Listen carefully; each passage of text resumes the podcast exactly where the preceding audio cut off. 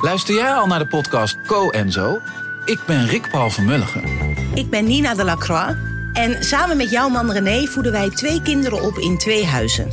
Co-ouderschap. We hebben het over alles wat je daarin tegenkomt. Maar ook over de juice tijdens onze kinderloze dagen, want die heb je ook in het co-ouderschap. Een podcast voor alle ouders in alle vormen, maar ook voor alle mensen zonder kinderen. Zijn we eerlijk, heerlijk herkenbaar. Dus luister naar Co en Zo in je favoriete podcast-app.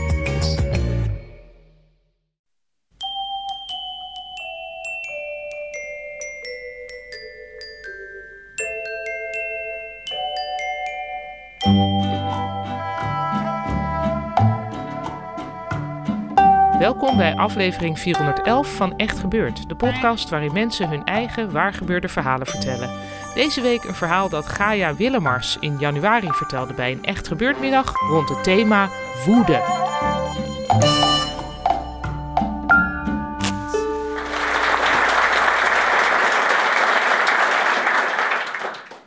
Tijdens het laatste jaar van mijn studie heb ik besloten een gebouw te bezetten.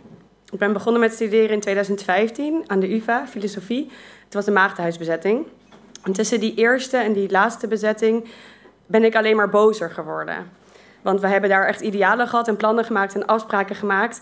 En niets daarvan is nagekomen. En het is alleen maar erger geworden.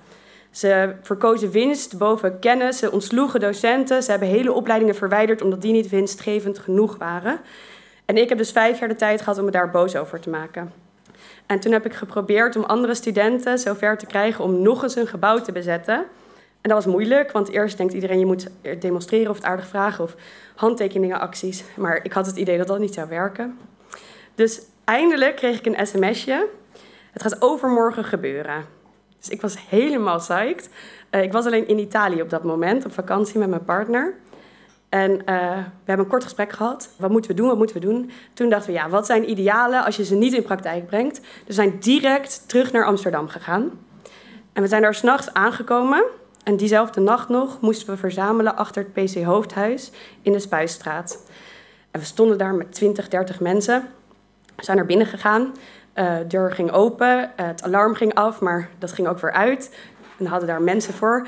En we waren binnen. Het was gelukt. En we hebben heel veel glas is in dat gebouw. En we hebben spandoeken opgehangen met onze leuzen. En buiten ons verzamelde zich een menigte met mede boze mensen. Dus er waren honderden studenten en docenten en oud-studenten die daar solidariteit voor ons uh, betoogden. En ik ging op het balkon staan van het PC Hoofdhuis. En ik zag daar mijn broer staan met zijn vuist omhoog. Razend en trots op mij dat ik daar zat. En het was goed, weet je, we deden iets. Op een gegeven moment kwam Femke Halsma. Die kwam met ons een, uh, wat zij als een goed gesprek heeft ervaren, houden. en de conclusie van dit goede gesprek was dat ze de ME op ons af ging sturen. Um, dus er werd ontruimd, diezelfde dag nog. En zo'n ontruiming dan van een universiteitsgebouw is het hele idee dat je alle kritische studenten verwijdert uit de universiteit. Dat was het plan van de ME en dat mag eigenlijk met alle mogelijke middelen, zeggen zij. Dus ze kwamen en dan moet je een keus maken van hoe radicaal voel ik me, hoeveel energie heb ik, waar ben ik aan toe. Dus je kan zodra ze komen en binnenkomen uh, je gewoon zeg maar mee laten nemen direct en dan word je meestal niet gearresteerd. En je kan ook op de begane grond arm in arm gaan zitten. En dan ben je dus iets radicaler. En dan word je wel in een busje gezet en gearresteerd. En je kan ook op de eerste verdieping gaan zitten. En dan je hele lichaam ontspannen. En dan word je van de trap afgesleept. En dan zit je met blauwe billen in de cel. En je kan op de vierde verdieping gaan zitten. Dus dat heb ik gedaan. Uh, met zes andere mensen. Uh, die op dat moment mijn mini-samenleving vormden. En drie daarvan kende ik eigenlijk matig. En dan had je nog mijn partner, kende ik goed, en mijn huisgenoot. En we zaten daar. Het was alweer avond aan het worden.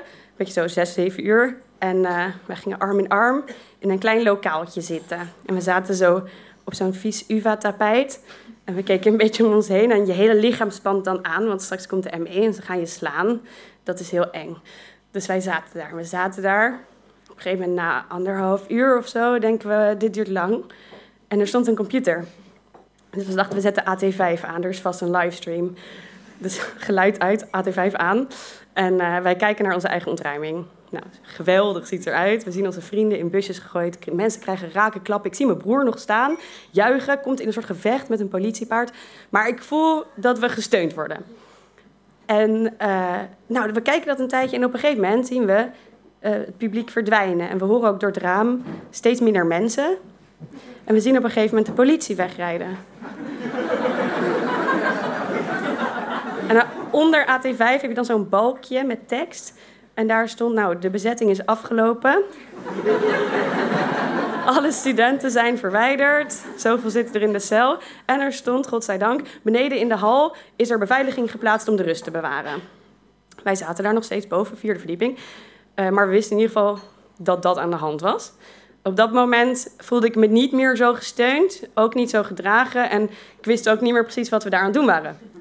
Maar in deze mini-samenleving uh, gebeurt natuurlijk van alles. We zaten daar toen al misschien vier uur toen we dit allemaal hadden vastgesteld. Eén uh, man die oppert zich op als leider. Uh, dus ik denk, ik begin een feministische golf. Dit is mijn kans om dat ook een keer te proberen. Is niet gelukt, want andere vrouwen en ook mijn partner die hadden heel erg honger. En die wilden ook slapen.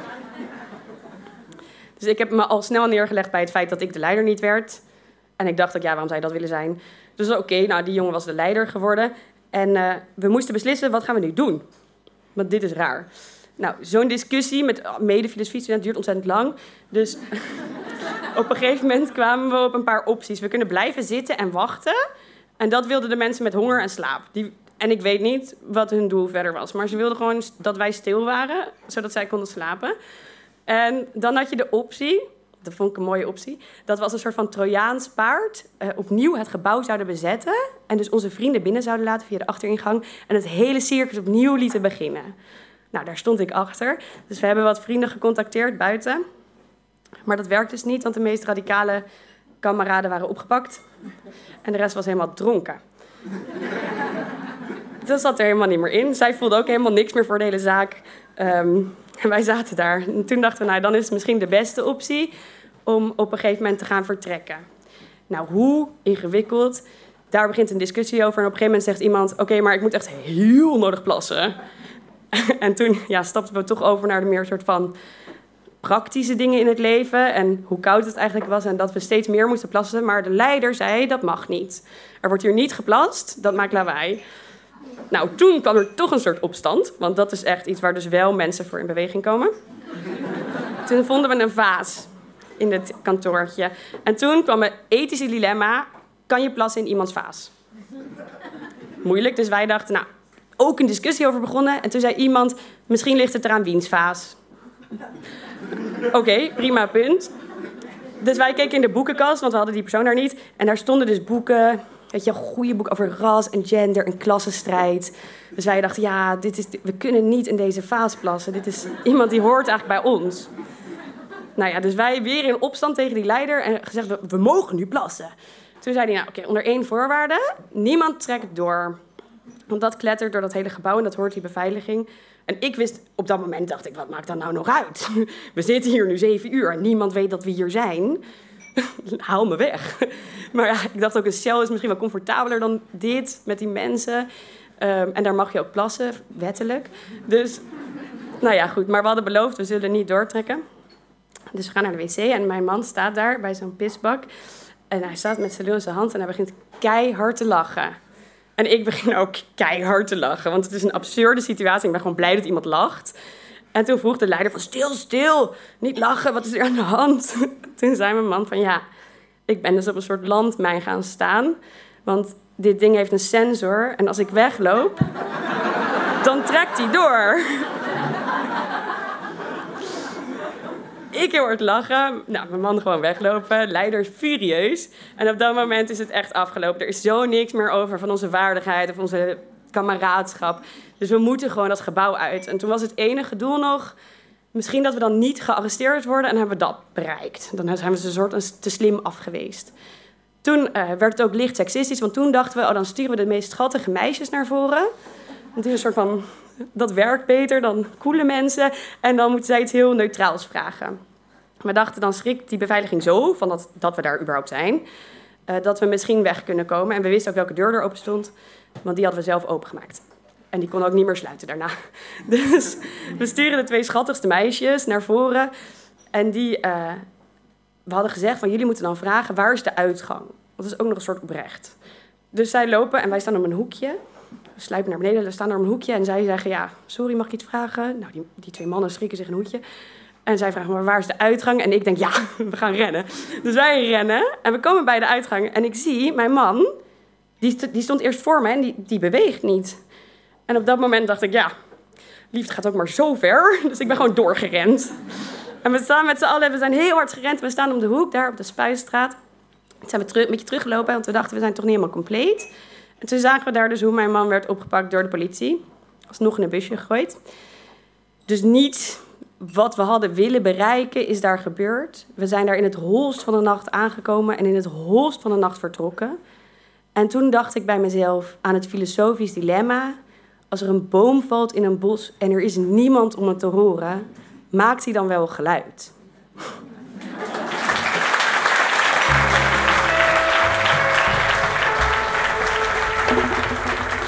Dat was een verhaal van Gaia Willemars. Gaia is schrijver. Bij uitgeverij Nijg en van Ditmar verscheen begin dit jaar haar roman IJscel. En afgelopen voorjaar verscheen er ook nog eens een kinderboek van haar, getiteld Het wolfje dat geen roedel nodig had. Echt Gebeurd is een maandelijkse verhalenmiddag in Comedy Club Toemler in Amsterdam. Mensen die tijdens zo'n middag een verhaal vertellen, worden begeleid door onze redactie. En die redactie die bestaat uit Micha Wertheim, Renette Kwakkenbos, Tom van Rooyen, Ariane Hins en mijzelf, Paulien Cornelissen. Maar op woensdag 5 juli aanstaande organiseren we in samenwerking met de nieuwe Anita in Amsterdam iets anders. Iets wat we lang verhaal kort noemen. Iedereen die die avond in de zaal van de nieuwe Anita zit en zin heeft om een verhaal te vertellen, mag zijn of haar naam op een briefje schrijven en in een hoge hoed gooien. En als je naam dan getrokken wordt, is het podium vijf minuten lang voor jou. Je hoeft je dus niet van tevoren aan te melden en je wordt ook niet begeleid door onze redacteuren.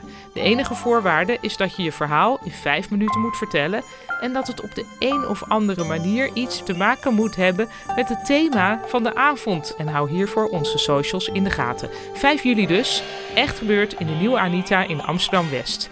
Kaarten zijn verkrijgbaar via www.denieuweanita.nl. Dit was aflevering 411 van Echt Gebeurd. Onze directeur is Hanna Ebbingen. Onze zaaltechniek doet Jasper van Oorschot. En onze podcastmaker is Gijsbert van der Wal. Tot volgende week en wees je bewust van de vraag: in wiens vaas ga je precies plassen?